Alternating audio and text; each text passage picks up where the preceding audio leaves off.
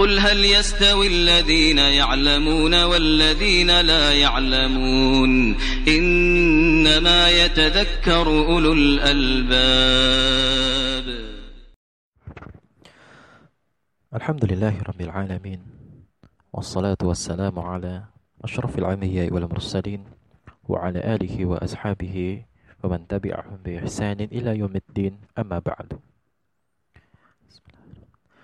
Assalamualaikum warahmatullahi wabarakatuh kaum muslimin dan muslimat saudara-saudariku yang dirahmati Allah subhanahu wa ta'ala di mana pun kalian berada kita akan lanjutkan pembahasan kita yakni belajar fikih di uh, uh, pembahasan yang ketiga ya di apa namanya di audio yang ketiga. Kita masih akan membahas tentang urgensi mempelajari ilmu fikih bagian yang kedua. Saudara-saudariku yang dirahmati Allah Subhanahu wa taala, kita masih membahas tentang urgensi mempelajari ilmu fikih. Pada poin kedua ini yang kita akan kita bahas adalah daripada urgensi mempelajari ilmu fikih adalah uh, dua syarat diterimanya amal, ya. Tentang dua syarat diterimanya amal.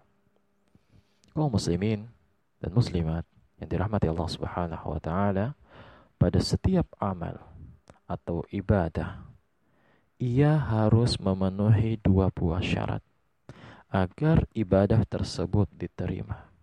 Ya.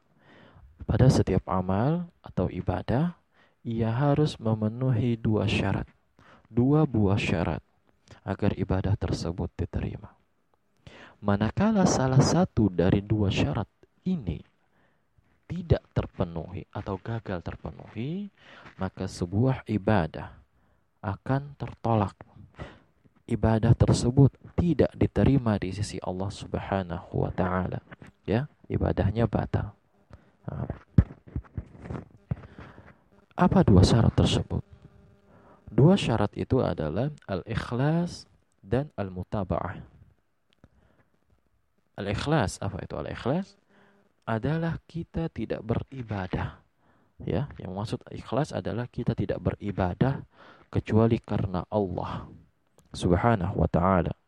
Kita tidak beribadah kecuali hanya untuk Allah Subhanahu wa taala semata. Tidak boleh ada sekutu dalam ibadah kita, melainkan ia murni hanya mengharap ganjaran dari Allah Subhanahu wa taala semata. Ya.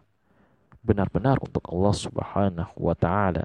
Ini adalah makna ikhlas asyhadu an la ilaha illallah. Ya. Adapun al-mutaba'ah artinya yang dimaksud dengan al-mutaba'ah adalah ia di dalam beribadah harus mengikuti tuntunan Rasulullah Sallallahu Alaihi Wasallam. Tidak boleh menambah, ya, dan tidak boleh mengurangi dari apa-apa yang diajarkan oleh Rasulullah Sallallahu Alaihi Wasallam. Dia tidak boleh menambah dan tidak boleh menguranginya, dan serta tidak boleh menyimpang dari apa yang diajarkan oleh Rasulullah Sallallahu Alaihi Wasallam. Ya, ini makna al-mutaba'ah. Wa asyhadu anna Muhammadan Rasulullah.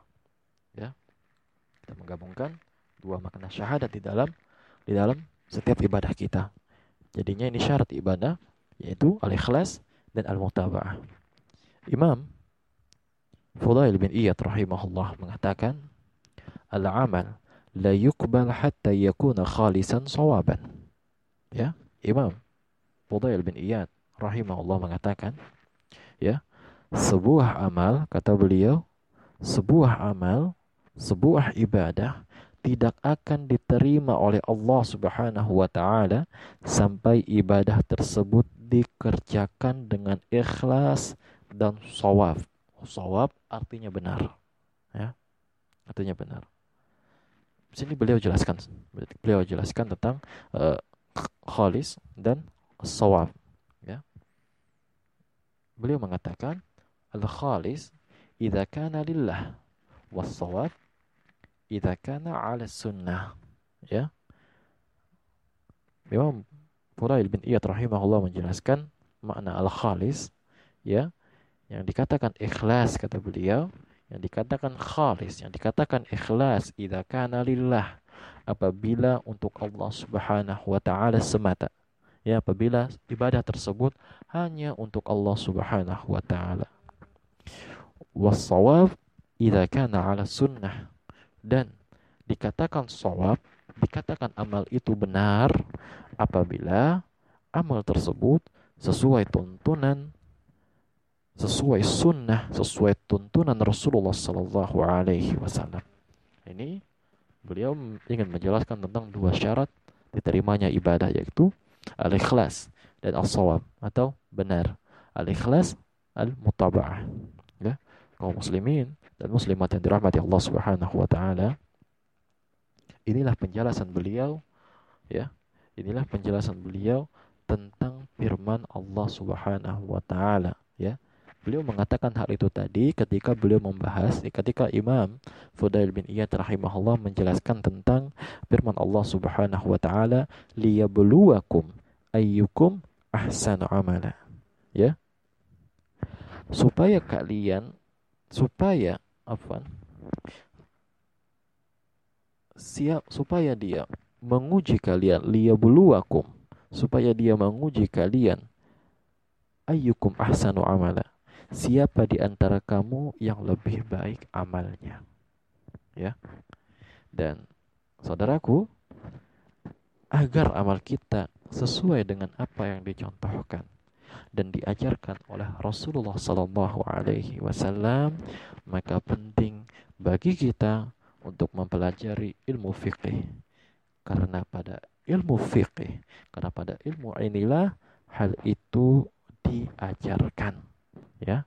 Maka inilah poin penting kedua mengapa kita harus mempelajari ilmu fikih uh, semoga apa yang saya sampaikan ini mudah dipahami dan bermanfaat bagi kita semua aku qauli hadza uh, assalamualaikum warahmatullahi wabarakatuh semoga Allah memberi taufik kepada kita semua